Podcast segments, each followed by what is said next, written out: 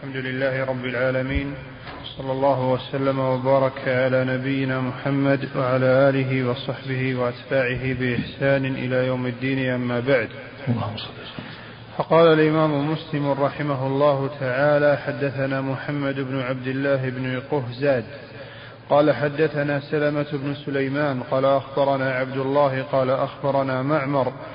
عن ابن شهاب قال حدثني عبد الله بن أبي بكر بن حزم. عن عروة عن عائشة رضي الله عنها. حاء وحدثني عبد الله بن عبد الرحمن بن بهرام وأبو بكر بن إسحاق واللفظ لهما. قال أخبرنا أبو اليمان قال أخبرنا شعيب عن الزهري.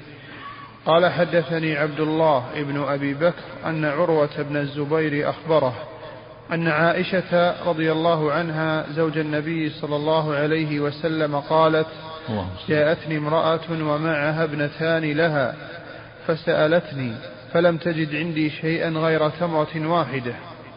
فأعطيتها إياها فأخذتها فقسمتها بين ابنتيها ولم تأكل منها شيئا. ثم قامت فخرجت وابنتاها فدخل علي النبي صلى الله عليه وسلم. فحدثته حديثها فقال النبي صلى الله عليه وسلم من ابتلي من البنات بشيء فأحسن إليهن كن له سترا من النار. حدثنا قتيبة بن سعيد قال حدثنا بكر يعني ابن مضر عن ابن الهادي أن زياد بن أبي زياد مولى بن عياش حدثه عن عراك بن مالك قال سمعته يحدث عمر بن عبد العزيز عن عائشة رضي الله عنها أنها قالت جاءتني مسكينة تحمل ابنتين لها فأطعمتها ثلاث تمرات فأعطت كل واحدة منهما تمرة ورفعت إلى فيها تمرة لتأكلها فاستطعمتها ابنتاها فشقت التمرة التي كانت تريد أن تأكلها بينهما فأعجبني شأنها فذكرت الذي صنعت لرسول الله صلى الله عليه وسلم فقال إن الله قد أوجب لها بها الجنة أو أعتقها بها من النار. الله بسم الله الرحمن الرحيم. الحمد لله رب العالمين وصلى الله وسلم وبارك على عبد الله ورسوله نبينا محمد وعلى آله وصحبه أجمعين. أما بعد هذه الأحاديث فيها فضل الإحسان إلى البنات وأن الإحسان إلى البنات تربيتهن والقيام بشؤونهن من أسباب العتق من النار من أسباب دخول الجنة. ولهذا قال النبي صلى الله عليه وسلم من ابتلي بشيء من هذه البنات فأحسن إليهن. كن له سترا من النار يعني حجاب كل الله حجابا من النار. وفيها النبي قيده بالإحسان إليهن إحسان التربية يربيهن ويعلمهن حتى يزوجهن ومن إحسان التربية اختيار الزوج الأمثل فالأمثل. لهن. والمراد مع مراعاة الشروط الأخرى. الإحسان إليهن من أسباب دخول الجنة ومسبب العتق من النار مع مراعاة الشروط الأخرى مع وجود الشروط وانتفاء الموانع كالإيمان بالله ورسوله وأداء الواجبات وترك المحرمات. لأن غير المؤمن ولو كان عنده بنات فلا يدخل الجنة. ثم غير المؤمن لا يحسن تربيتهن. ولو أحسن تربيتهن هذا إنما يكون من المؤمن. لأن الكافر لا يحسن تربيته بل يسيء تربيته يربيه على دينه. وكذلك من يفعل الكبائر كالزنا والسرقة وشرب الخمر وعقوق الوالدين وقطيعة الرحم والتعامل بالربا لم توعد بالنار فلا بد من ترك الكبائر استعمال الكبائر وفعل الواجبات. وقول من ابتلي فيها أن أنها أن هذا ابتلاء ابتلاء واختبار. ابتلاه الله بهذه البنات هل يحسن تربيتهن أو لا يحسن تربيتهن؟ وكذلك الأولاد الذكور. والحياة كلها ابتلاء وامتحان. الإنسان مبتلى أيضا يبتلى بصحته هل يستعمله في طاعة الله؟ يبتلى بالغنى هل هل يستعمله في طاعة الله؟ يبتلى بالفقر هل يصبر أو يجزع؟ يبتلى بالمرض هل يصبر أو يتسخط؟ وما منا وما منا إلا مبتلى. فالمريض مبتلى بمرضه هل يصبر أو هل يجزع أو يتسخط؟ والمعافى مبتلى بعافيته هل يستعمله بطاعة الله أو في معصية الله؟ والفقير مبتلى بفقره هل يصبر أو يجزع؟ والغني مبتلى بغناه هل ينفقه في طاعة الله أو في معصية الله. وما منا إلا مبتلى. الذي خلق الموت والحياة ليبلوكم أيكم أحسن عملا. وهو العزيز الغفور. نعم. نعم. قول ما ابتلي بشيء من هذه البنات ليس ببعيد دخول قول ابتلي بشيء. كلمة شيء تشمل تدخل فيها الواحدة. من ابتلي عندك اللفظ من ابتلي بشيء. من ابتلي من البنات بشيء. إيه. فأحسن إليهن. إيه. كن له سترا. من ابتلي من البنات بشيء. كلمة شيء تشمل الواحدة لكن قول فأحسن إليهن يدل على الجمع. لا شك الإحسان, الإحسان حتى إلى الواحدة فيه فضل عظيم نعم. حدثني عمرو الناقد قال أبو أحق قال حدثنا أبو أحمد الزبيري قال حدثنا محمد بن عبد العزيز عن عبيد الله بن أبي بكر ابن أنس عن أنس بن مالك رضي الله عنه قال قال رسول الله صلى الله عليه وسلم من عال جاريتين حتى تبلغا جاء يوم القيامة أنا وهو وضم أصابعه. نعم هذا في فضل عود الجاريتين. ومعنى عالهما يعني أحسن إليهما. أحسن القيام بهما تربيتهما وتعليمهما. كالحديث الآخر من أحسن تربيتهم. من عال جاريتين حتى بلوا كنت أنا في الجنة كهاتين. فأشار إلى أصبعه أصبعه السبابة والوسطى الآخر من عالهما يعني قام بشؤونهما والنفقة عليهما والإحسان إليهما. سواء كان بنتين أو أختين أو أجنبيتين. عام. من عال جاريتين. في فضل الإحسان إلى إلى الجواري وهذا لعل هذا يفسر الحديث السابق من ابتلوا بشيء من البنات. فأحسن تربيتهن أقل أقل الجمع اثنتان. لأن المثنى قد تقع عليه الجمع. فإذا ظننت هذا الحديث الحديث السابق دل على أن مثل بشيء من هذه البنات يعني اثنتان فأكثر. قل هناك بشيء من البنات مات بصيغة الجمع. والاثنتان قد تطلق عليه الجمع. نعم. حدثنا يحيى بن يحيى قال قرأت على مالك عن ابن شهاب عن سعيد بن المسيب عن أبي هريرة رضي الله عنه عن النبي صلى الله عليه وسلم قال لا يموت لأحد من المسلمين ثلاثة من الولد فتمسه النار إلا تحلة القسم. الله قال حدثنا أبو بكر بن أبي شيبة وعمر الناقد وزهير بن حرب. قالوا حدثنا سفيان بن عيينة حاء وحدثنا عبد بن حميد وابن رافع عن عبد الرزاق قال أخبرنا معمر كلاهما عن الزهري بإسناد مالك. وبمعنى حديثه إلا أن في حديث سفيان فيلج النار إلا تحلة القسم. نعم.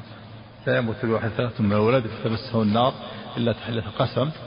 هذا مقيد بالحديث الآتي وهو أنه وهو أن يكون قبل الحنث. والحنث هو البلوغ قبل البلوغ.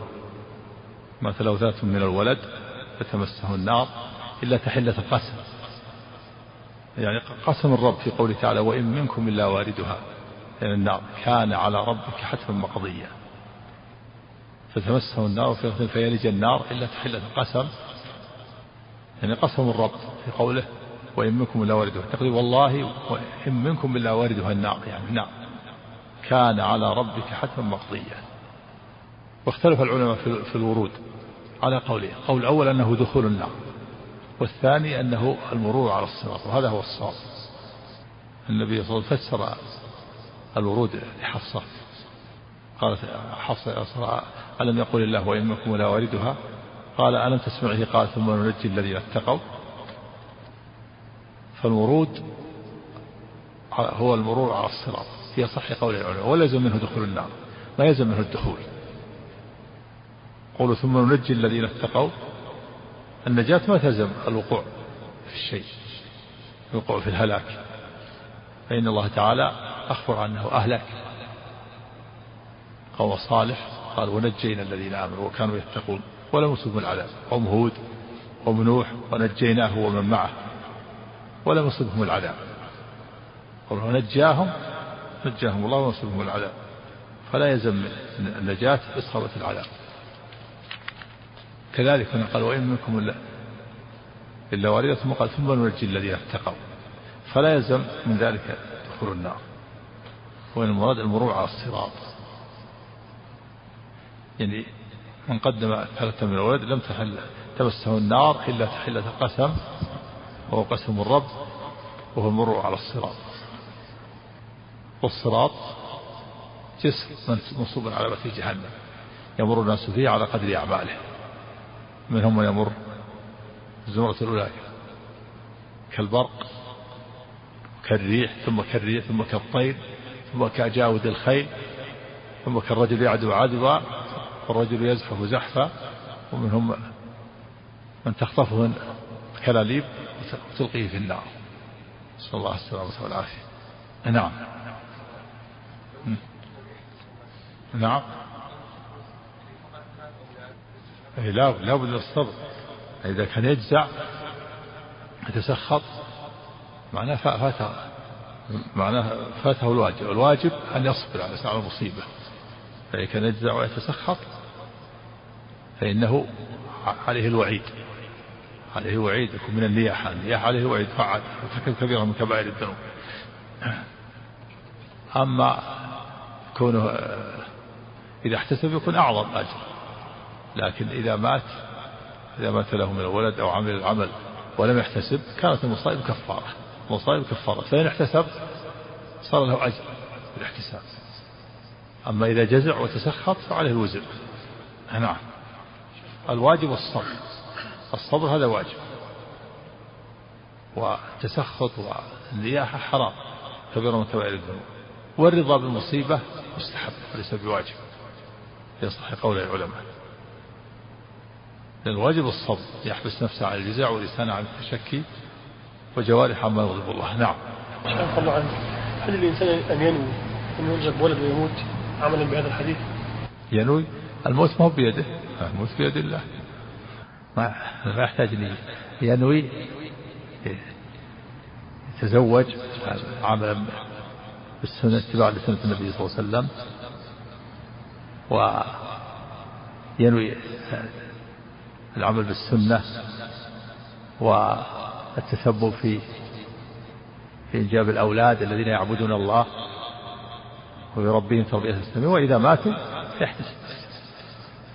أما ينوي الموت ما الموت ما بيده. ما يدري هل يموت ولا لا يموت. نعم. الموت ما هو بيده. قد قد لا يرزق الولد. وقد إذا رزق الولد قد لا يموت. الموت ما هو بيده. نعم. لكن يسأل الله يسأل الله أن يوفقه عمل صالح وأن يوفقه للأسباب التي تنجيه من النار. نعم. حدثنا قتيبة بن سعيد قال حدثنا عبد العزيز يعني ابن محمد عن سهيل عن أبيه عن أبي هريرة رضي الله عنه أن رسول الله صلى الله عليه وسلم قال لنسوة من الأنصار لا يموت لإحداكن ثلاثة من الولد فتحتسبه إلا دخل في الجنة. فقالت امرأة منهن أو اثنين يا رسول الله؟ قال أو اثنين. وهذا فيه التقييد تحتسبه. قيد هنا في الاحتساب هذا قيد من الاحتساب والاحتساب معناه نية الأجر.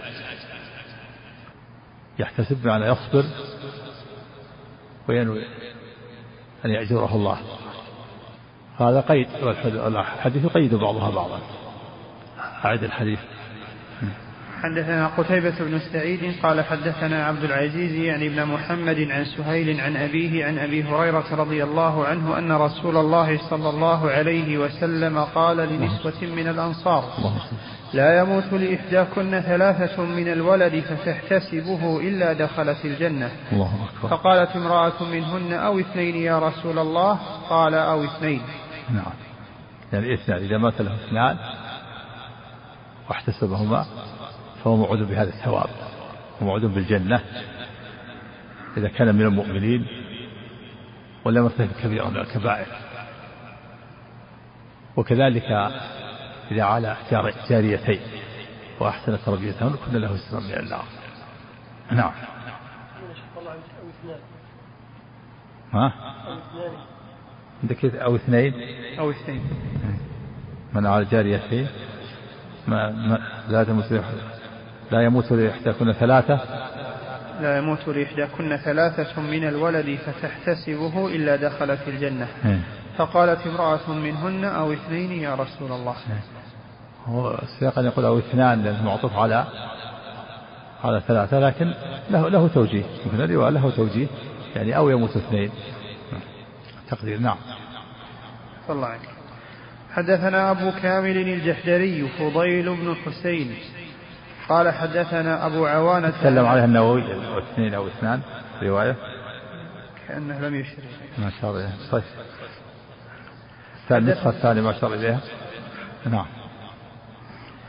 حدثنا أبو كامل الجحدري فضيل بن حسين قال حدثنا أبو عوانة عن عبد الرحمن بن الأصبهاني عن أبي صالح ذكوان عن أبي سعيد الخدري رضي الله عنه قال جاءت امرأة إلى رسول الله صلى الله عليه وسلم فقالت يا رسول الله ذهب الرجال بحديثك فاجعل لنا من نفسك يوما نأتيك فيه تعلمنا مما علمك الله. قال اجتمعن يوم كذا وكذا. فاجتمعن فأتاهن رسول الله صلى الله عليه وسلم فعلمهن مما علمه الله. ثم قال ما منكن من امرأة تقدم بين يديها من ولدها ثلاثة إلا كانوا لها حجابا من النار. فقالت امرأة واثنين واثنين واثنين. فقال رسول الله صلى الله عليه وسلم واثنين واثنين واثنين. التأكيد وتقدم بين يديها يعني أمامها. يموتون قبلها. وفيه مشروعية تخصيص النساء بموعظة خاصة. وأنه لا بأس يعني يأتي الرجل ويلقي موعظة على النساء إذا كنا مجتمعات ويكون من وراء حجاب مثل ما تلقى المحاضرة الآن في الشبكة مدارس البنات. وفي جاء أيضا النبي صلى الله عليه وسلم خصص النساء بموعظة يوم العيد خطبة يوم العيد. ومكبرة الصوت الآن تبلغ النساء ولكن تخصص مثل الموعظة قد, قد تكون النساء يحتاجن إلى يكون عندهم أسئلة خاصة. مثلا فيأتي إليهن الواعظ والمحدث ويلقي عليهن ويجيب عن أسئلتهن كما فعل النبي صلى الله عليه وسلم. من أتى إليهن ووعظهن وجعلنا يلقينا الأسئلة. منها سؤال هذه المرأة. نعم. حدثنا محمد بن المثنى وابن بشار قال حدثنا محمد بن جعفر حاون وحدثنا عبيد الله بن معاذ قال حدثني أبي قال حدثنا شعبة عن عبد الرحمن بن الأصبهاني في هذا الإسناد بمثل معناه وزاد جميعا عن شعبة عن عبد الرحمن بن الأصبهاني قال سمعت أبا حازم يحدث عن أبي هريرة رضي الله عنه قال ثلاثة لم يبلغوا الحنث نعم والحنث هو الإثم. والمعنى أنهم لم يبلغوا الوقت الذي يكتب فيه الإثم وهو ما يكون بعد البلوغ. هذا قيد بأنهم لم يبلغوا الحنث هذا يقيد به الحديث السابقة. تقدم بين يديها تقدم بين يديها ثلاثة من الولد. يقيد بأنهم لم يبلغوا الحنث ويقيد بالإحتساب تحتسبهن. احتساب يكون لم يبلغ الحنث نعم. الله عنك. حدثنا سويد بن سعيد ومحمد بن عبد الأعلى وتقاربا في اللفظ. قال حدثنا المعتمر عن أبيه عن أبي السليل عن أبي حسان. قال قلت لأبي هريرة رضي الله عنه إنه قد مات لبنان. فما أنت محدثي عن رسول الله صلى الله عليه وسلم بحديث تطيب به أنفسنا عن موتانا؟ قال قال نعم صغارهم دعاميص الجنة يتلقى أحدهم أباه أو قال أبويه فيأخذ بثوبه أو قال بيده كما آخذ أنا بصنفة ثوبك هذا فلا يتناهى أو قال فلا ينتهي حتى يدخله الله وأباه الجنة. وفي رواية سويد قال حدثنا أبو السليل وحدثنيه عبيد الله بن سعيد قال حدثنا يحيى يعني بن سعيد عن التيمي بهذا الإسناد وقال فهل سمعت من رسول الله صلى الله عليه وسلم شيئا تطيب به أنفسنا عن موتانا؟ قال نعم. نعم. قوله فلا ينتهي حتى يدخل الجنة فلا يتركه حتى يدخله الجنة. يأخذ بيده كما يأخذ بصنفة ثوبك يعني بطرف ثوبك. والصنفة يقول صنيفة. والدعاميس والدعاميس في الجنة يعني صغار أهلها والدعاميس جمع دعموس. وأنها دويبة تكون في الماء لا تفارقه. والمعنى أنهم لا يفارقون الجنة. يبقون فيها نعم. وأطفال هذا أطفال المسلمين في الجنة. نقل بعض غير واحد من أهل العلم الإجماع على أن أطفال المسلمين في الجنة. وقال المازري الجماهير العلماء على أن أطفال المسلمين في الجنة وبعضهم توقف. ومنهم من نقل الإجماع على أن أطفال المسلمين في الجنة ومن أدلتهم قول الله تعالى والذين آمنوا واتبعتهم ذريتهم بإيمان ألحقنا بهم ذريتهم وما ألفناهم من عملهم من شيء أما أطفال المشركين ففيهم أقوال. ذكرها علامة ابن القيم رحمه الله في طبقات المكلفين. في كتاب طريق الهجرتين نقل الحافظ بن حجر ثمانية أقوال. أصحها قولان القول الأول أنهم في الجنة. ويدل على هذا الحديث حديث النبي صلى الله عليه وسلم في رؤياه. أنه رأى إبراهيم في الجنة وحوله ولدان الناس يعني المشركين والمؤمنين عموما. فدل على أنهم في الجنة. والقول الثاني أنهم امتحنوا. وقيل أنه خدم لأهل الجنة. وهذا هذا هو الضعيف خدم. خدم أهل الجنة يخلقهم الله. والجان يخلقهم الله. فالصحيح أنهم في الجنة لأنهم ماتوا قبل الحنث قبل البلوغ قبل التكليف. نعم. الله حدثنا أبو بكر ابن أبي شيبة ومحمد بن عبد الله بن نمير وأبو سعيد الأشج واللفظ لأبي بكر. قالوا حدثنا حفص يعنون ابن غياث. حاء وحدثنا عمر بن حفص بن غياث. قال حدثني أبي عن جده طلق بن معاوية عن أبي زرعة بن عمرو بن جرير عن أبي هريرة رضي الله عنه قال أتت امرأة النبي صلى الله عليه وسلم بصبي لها فقالت يا نبي الله ادعو الله له فلقد دفنت ثلاثة. قال دفنت ثلاثة؟ قالت نعم. قال لقد اختبرت بحضار شديد من النار. قال عمر من بينهم عن جده. وقال الباقون عن طلق ولم يذكروا الجد. يعني امتنعت بمانع وثيق. اختبرت بحضار شديد؟ يعني امتنعت بمانع وثيق. بينك وبين النار حاجب ومانع قوي. هذا فيه فضل يعني من مات له ثلاثة من الولد لكن إذا احتسبهم ولم يعمل سبب من أسباب الأسباب التي يدخل بها النار كالكفر لم يمت على الكفر ولم يرتكب كبيرة من الكبائر. نعم من غير توبة.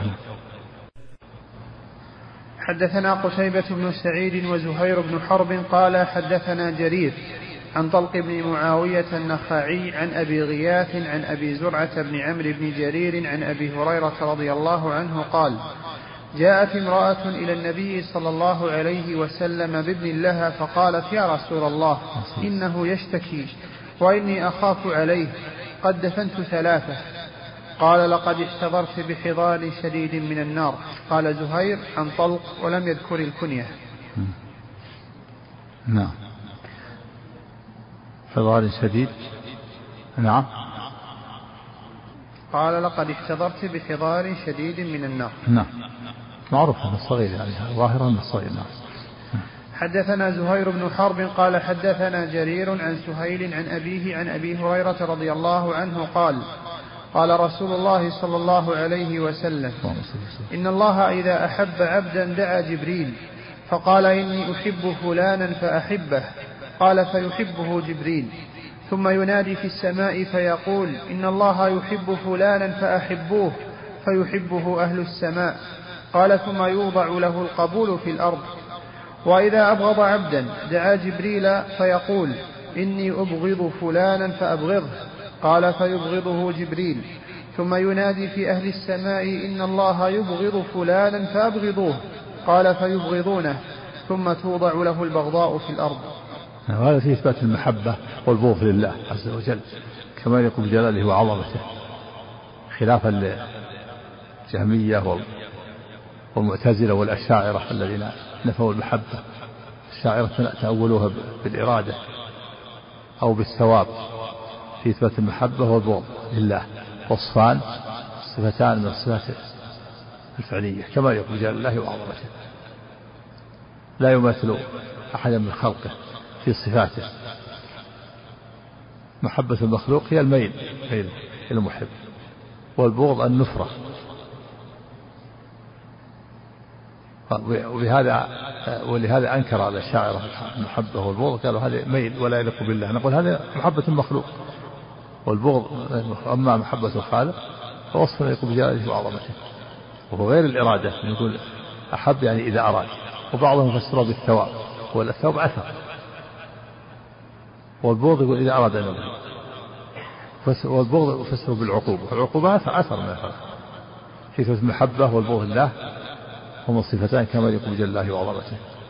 ويثبت المحبة والبغض للملائكة. هم يحبون ويبغضون. وفي إثبات أن الملائكة أشخاص وذوات محسوسة تصعد وتنزل وترى وتجي وتخاطب الرسول وتحب وتبغض. تكتب أعمال العباد خلافا للفلاسفة ارسطو وأتباعه الذين أنكروا الملائكة وقالوا أنهم أشباح وأشكال نورانية. ليسوا ذوات وأشخاص مخصوصة هذا هذا كفر والعياذ بالله. من كفر. كفر. كما أنهم لم يثبتوا وجودا لله إلا في الذهن لأنهم نفوا جميع الأسماء والصفات.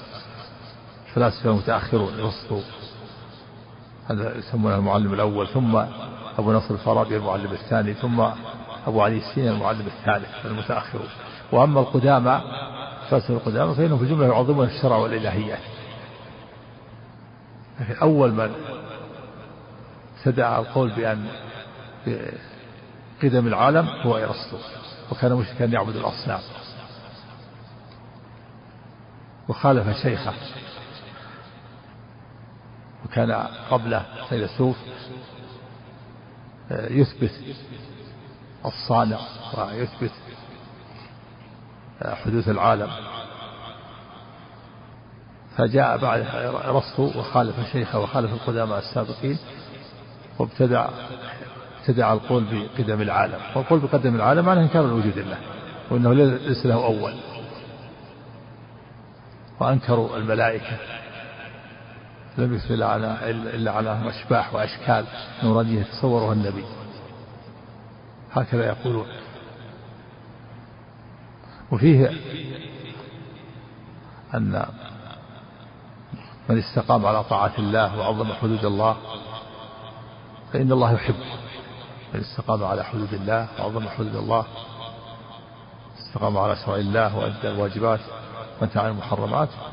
فإن الله يحبه ويحب جبريل وتوضع له المحبة في الأرض وتوضع له القبول في الأرض.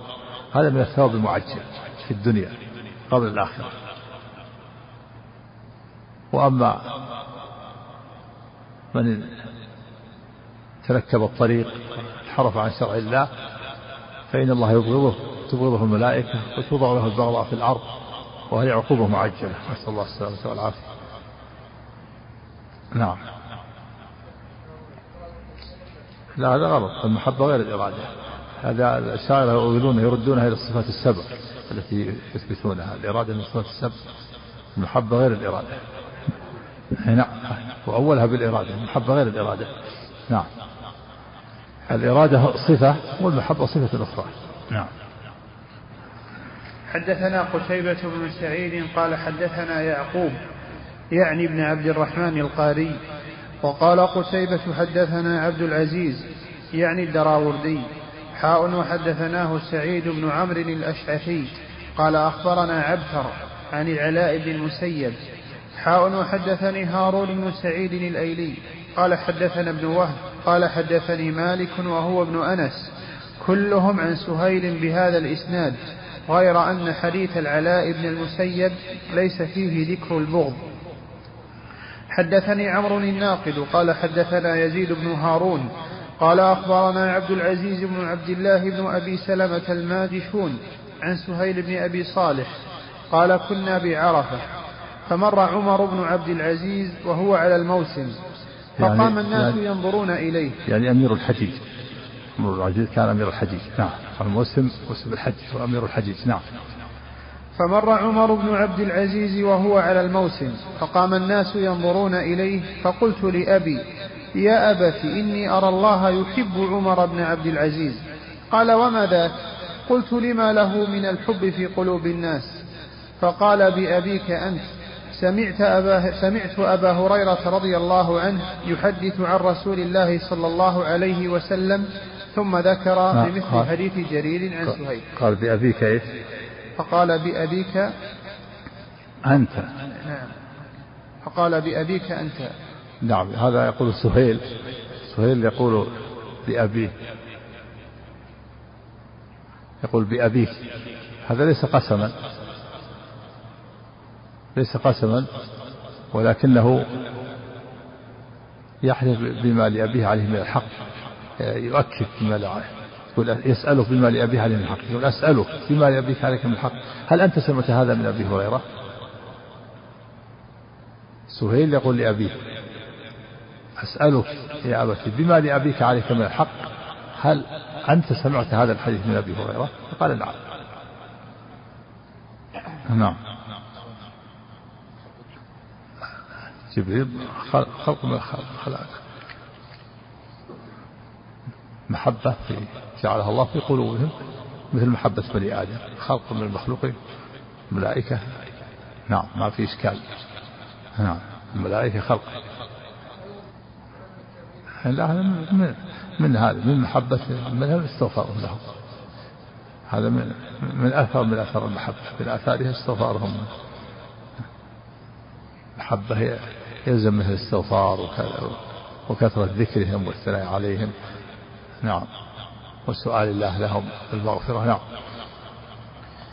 حدثنا قتيبة بن سعيد قال حدثنا عبد العزيز يعني ابن محمد عن سهيل عن أبيه عن أبي هريرة رضي الله عنه أن رسول الله صلى الله عليه وسلم قال الأرواح جنود مجندة فما تعارف منها ائتلف وما تناكر منها اختلف. نعم الأرواح جنود مجندة يعني جموع مجمعة. فهي أنواع وأصناف. في الأرواح جموع جموع مجمعة. هي أنواع وأصناف. من أرواح تتآلف. أرواح أهل الخير تتآلف. باتحاد باتحاد الهدف. وأرواح أهل الشر تتآلف. فالأخيار يميلون إلى الأخيار والأشرار الأشرار يميلون إلى الأشرار. نعم. حدثني زهير بن حرب قال حدثنا كثير بن هشام قال حدثنا جعفر بن برقان قال حدثنا يزيد بن الأصم عن أبي هريرة رضي الله عنه بحديث يرفعه قال الناس معادن كمعادن الفضة والذهب. في البنات والإحسان. إلى البنات. الإسلام جاء في بيان فضل الإحسان إلى البنات وتربيتهن لأن أهل الجاهلية كانوا يكرهون البنات وكانوا كان واحد منهم يدفن البنت وهي حية خشية العار. ومنهم من يقتل أيضا حتى الأولاد الذكور خشية الفقر. فجاء الإسلام بالأمر بالإحسان إلى البنات والإحسان إلى الأولاد. من من ابتلي بشيء من هذه البنات فأحسن إليهن كن له سترا من النار. من على جارية حتى يبلغ كتب له في الجنة كهاتين. ففي حث على إحسان البنات و والعناية بهن. وهي البنت هبة من الله ومنة من الله. إذا رزق الله الإنسان الولد والولد يشمل الذكر والأنثى. فهي نعمة عظيمة وكان أهل الجاهلية يفرقون بين الذكر والأنثى. وكم من بنت تكون أصلح من من الذكور. بعض البنات قد تكون خير من كثير من الذكور الذي لا خير فيه. وكان أهل الجاهلية يكرهون البنات. وبعضهم يدفنها وهي حية كما قال الله تعالى وإذا بشر أحدهم بالأنثى ظل وجهه مسودا وهو كظيم يتوارى من القوم من سوء ما بشر به. أيمسكه على هون أم يدسه في التراب ولا ساء ما يحكم؟ ولكل قوم وارث. هناك بعض الناس يكرهون البنات الآن ويتأثرون تأثر شديد. حتى ذكر العلماء أن بعضهم الفقهاء أنه يطلق زوجها. يقول إن أتيت ببنت فأنت طالق. وهذا الأمر بيدها. قال شيخنا سمعت الشيخ العزيز بن باز رحمه الله اتصلت بي امرأة بالهاتف. تقول إن زوجها يقول لها تف ما ما تلدين إلا البنات ما عندك إلا البنات ما تلدين إلا البنات. كان الأمر بيدها. الأمر بيد الله الخالق الحكيم. كيف مسلم يقول مثل هذا الكلام. الزوجة هي هي التي تخلق هل بيدها من الأمر شيء؟ الأمر بيد الله وله الحكمة البالغة. لكن بعض الناس والعياذ بالله هكذا من شدة كراهته للبنات أوصلت الحال إلى هذه الحالة. الحمد لله نعم. نسأل الله السلامة والعافية. نعم. الله عنك حدثني زهير بن حرب قال حدثنا كثير بن هشام قال حدثنا جعفر بن برقان قال حدثنا يزيد بن الأصم عن أبي هريرة رضي الله عنه بحديث يرفعه. قال الناس معادن كمعادن الفضة والذهب خيارهم في الجاهلية خيارهم في الإسلام إذا فقهوا. نعم. والأرواح جنود مجندة فما تعارف منها ائتلف وما تناكر منها اختلف. الناس معادن الصائب كمعادن الذهب والفضة. يعني أن خيارهم في الجاهلية خيارهم في الإسلام إذا فقهوا. يعني أن أهل الجود والكرم والشجاعة ونصر المظلوم والإحسان في الجاهلية. بعد الإسلام إذا أسلموا تزيد هذه الصفات فيهم وتنمو. وتقوى بعد الإسلام لأن معادنهم أصيلة وطباعهم كريمة. فهناك في الجاهلية بعض القبائل عندهم عندهم شجاعة عندهم أخلاق محمود الشجاعة وكرم ونصر للمظلوم وإحسان. هذه الصفات الحميدة تنمو بعد الإسلام وتزيد عند هؤلاء. الأخيار لأن معادنهم أصيلة وطباعهم كريمة وتزيد وتنمو وتقوى هذه الصفات. ولهذا قال النبي صلى الله عليه وسلم الناس معادن خيارهم في الإسلام خيارهم في الجاهلية خيارهم في الإسلام إذا فقهوا. نعم. حدثنا عبد الله بن مسلمة بن قعنب قال حدثنا مالك عن ابن عن إسحاق بن عبد الله بن أبي طلحة عن أنس بن مالك رضي الله عنه أن أعرابيا قال لرسول الله صلى الله عليه وسلم متى الساعة؟ قال له رسول الله صلى الله عليه وسلم ما أعددت لها. قال حب الله. قال حب الله ورسوله. قال أنت مع من أحببت. وهذه بشارة بشارة لكل مؤمن ليس خاصا بالأعراب بل هي بشارة أن الإنسان يكون مع من أحب. لكن المحبة الصادقة تقتضي العمل وبذل الأسباب والجهد في اللحاق بالمحبوب فمن أحب الله ورسول من أحب الرسول صلى الله عليه وسلم ومن أحب أبا بكر وعمر فإنه يجتهد في اللحاق بهم ويبذل وسعه وجهده في العمل الصالح والاستقامة على طاعة الله. وإن كان لا يلحق بهم في العمل لكن يبذل جهده. ويشاركه في العمل ثم النقص تجبره المحبة. أما الذي يدعي المحبة وهو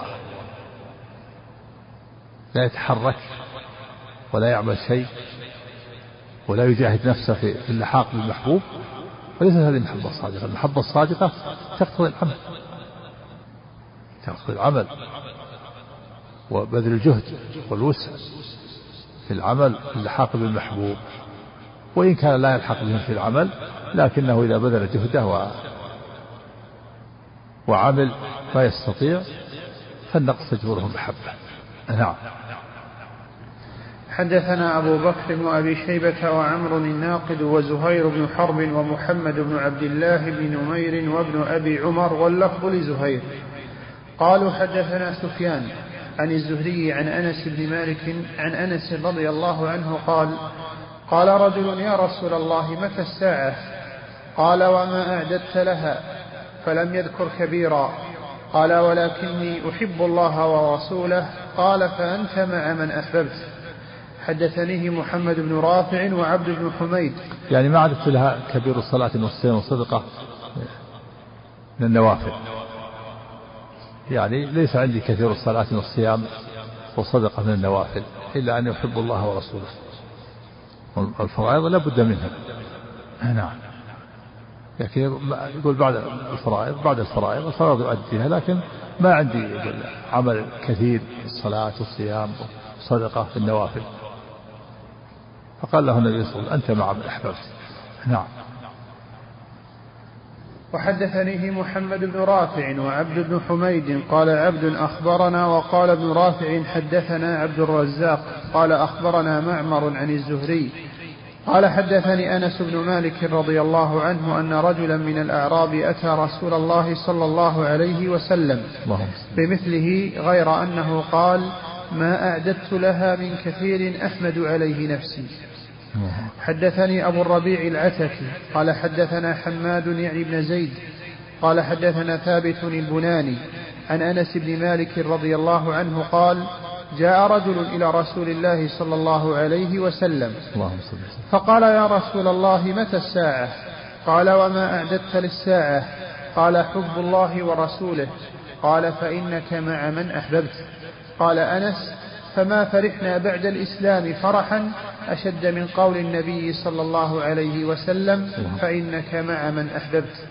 قال أنس فأنا أحب الله ورسوله وأبا بكر وعمر فأرجو أن أكون معهم وإن لم أعمل بأعمالهم.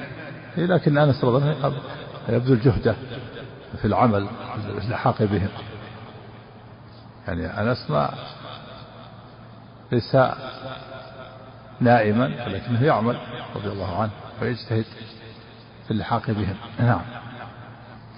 حدثناه محمد بن عبيد الغبري قال حدثنا جعفر بن سليمان قال حدثنا ثابت البناني عن أنس بن مالك رضي الله عنه عن النبي صلى الله عليه وسلم ولم يذكر قول أنس فأنا أحب وما بعده. حدثنا عثمان بن أبي شيبة وإسحاق وإبراهيم قال إسحاق أخبرنا وقال عثمان حدثنا جرير عن منصور عن سالم بن أبي الجعد قال حدثنا أنس بن مالك رضي الله عنه قال بينما أنا ورسول الله صلى الله عليه وسلم خارجين من المسجد فلقينا رجل فلقينا رجلا فلقينا رجلا عند سدة المسجد. فلقينا نعم. فلقينا فلقينا رجلا لا فاعل ورجلا مفعول.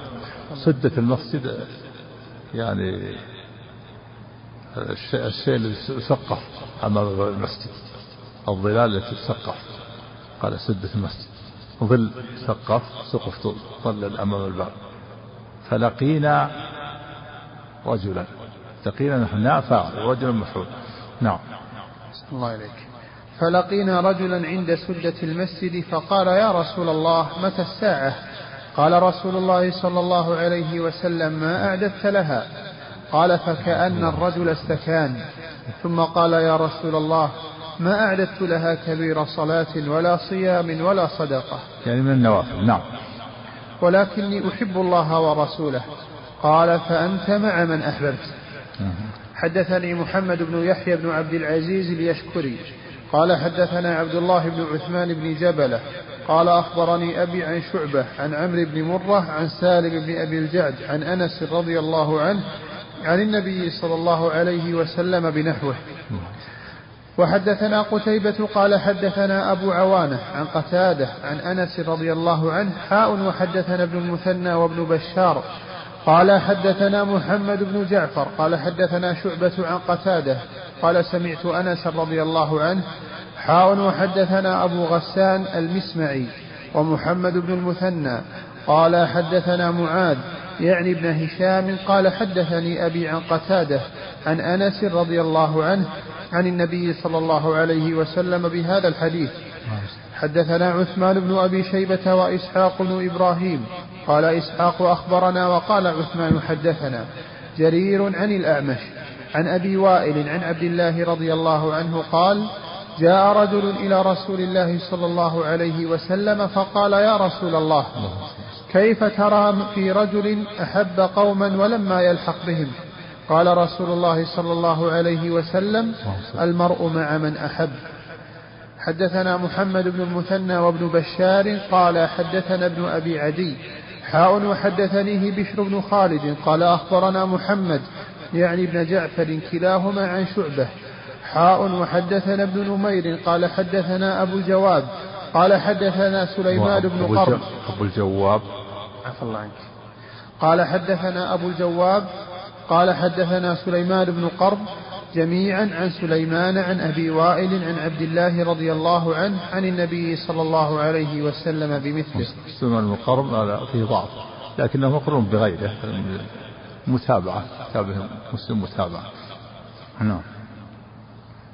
متابعات السمع فيها ما لا تسمع في الأصول. نعم. حدثنا أبو بكر ابن أبي شيبة وأبو كريب قال حدثنا أبو معاوية. حاء وحدثنا ابن نمير قال حدثنا أبو معاوية ومحمد بن عبيد عن الأعمش عن شقيق عن أبي موسى رضي الله عنه قال أتى النبي صلى الله عليه وسلم رجل فذكر بمثل حديث جرير عن الأعمش.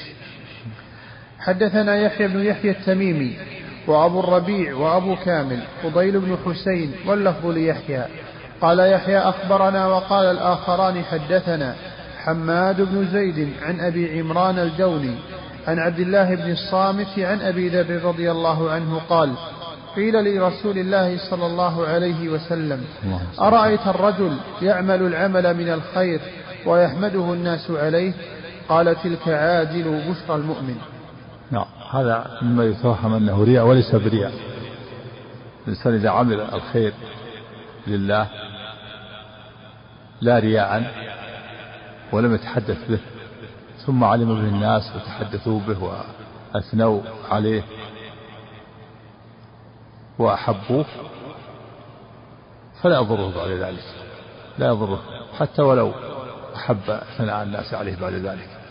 ما دام أنه عمل العمل لله لا رياء ولم يتحدث به. ثم بعد فطن له الناس فأثنوا عليه وأحبوه ودعوا له. هذه عاجل بشر المؤمن. هذا ليس من الرياء. لهذا بوب لها النووي في رياض الصالحين. باب ما توهم أنه رياء وليس برياء. وأتى بهذا الحديث. هذا عاجل بشر المؤمن. هذا. ثناء الناس عليه والرؤيا الصالحة. كل هذه من من العاجل بشر المؤمن. نعم. حدثنا أبو بكر ابن أبي شيبة وإسحاق بن إبراهيم عن وكيع. حاء وحدثنا محمد بن بشار. قال حدثنا محمد بن جعفر. حاء وحدثنا محمد بن المثنى. قال حدثني عبد الصمد. حاء وحدثنا إسحاق. قال أخبرنا النضر. كلهم عن شعبة. عن أبي عمران الجوني بإسناد حماد بن زيد بمثل حديثه غير أن في حديثهم عن شعبة غير عبد الصمد ويحبه الناس عليه وفي حديث عبد الصمد ويحمده الناس كما قال حماد. بسم الله الرحمن الرحيم كتاب القدر. حدثنا أبو بكر ابن أبي شيبة قال حدثنا أبو معاوية ووكيع. الأسبوع القادم ما في دروس إن شاء الله. لكن يكون تستنى في الدروس الأسبوع اللي بعد الأسبوع القادم إن شاء الله. يوم الأحد 17 الأسبوع القادم ما في دروس إن شاء الله. تكون الدروس على حسب الجدول. الفصل ما هو موجود. تحول دروس الخميس كما كانت. ولا أحد والاثنين والأربعاء تكون صحيح مسلم مع الدروس الأخرى معها إن شاء الله. نسأل الله الجميع التوفيق. نسأل الله أن في هذا اليوم أبلغ الأخوان توفي فضيلة الشيخ عبد الرحمن فريان نسأل الله أن أن يحسن عزاءنا وعزاكم أن ونسأل الله أن يغفر له ويرحمه ويتغمده برحمته. إنا لله وإنا إليه راجعون. العلماء والأخيار يموتون واحدا بعد واحد. في قول قول الله تعالى أولم يروا أنا نأتي الأرض نقصها من أطرافها؟ قيل في تفسيرها موت العلماء واحدا بعد واحد. لا حول ولا قوة إنا لله وإنا إليه راجعون. نعم. نعم. هكذا نعم. أبلغون الأخطار ما أدري الصلاة عليها هل هو؟ ذكروا عفى الله عنك العصر في جامع تيقة قال أحد جامع تيقة واحد قال في جامع الراجل ما ما ندري أيهما ها. الله غفر الله لنا نعم.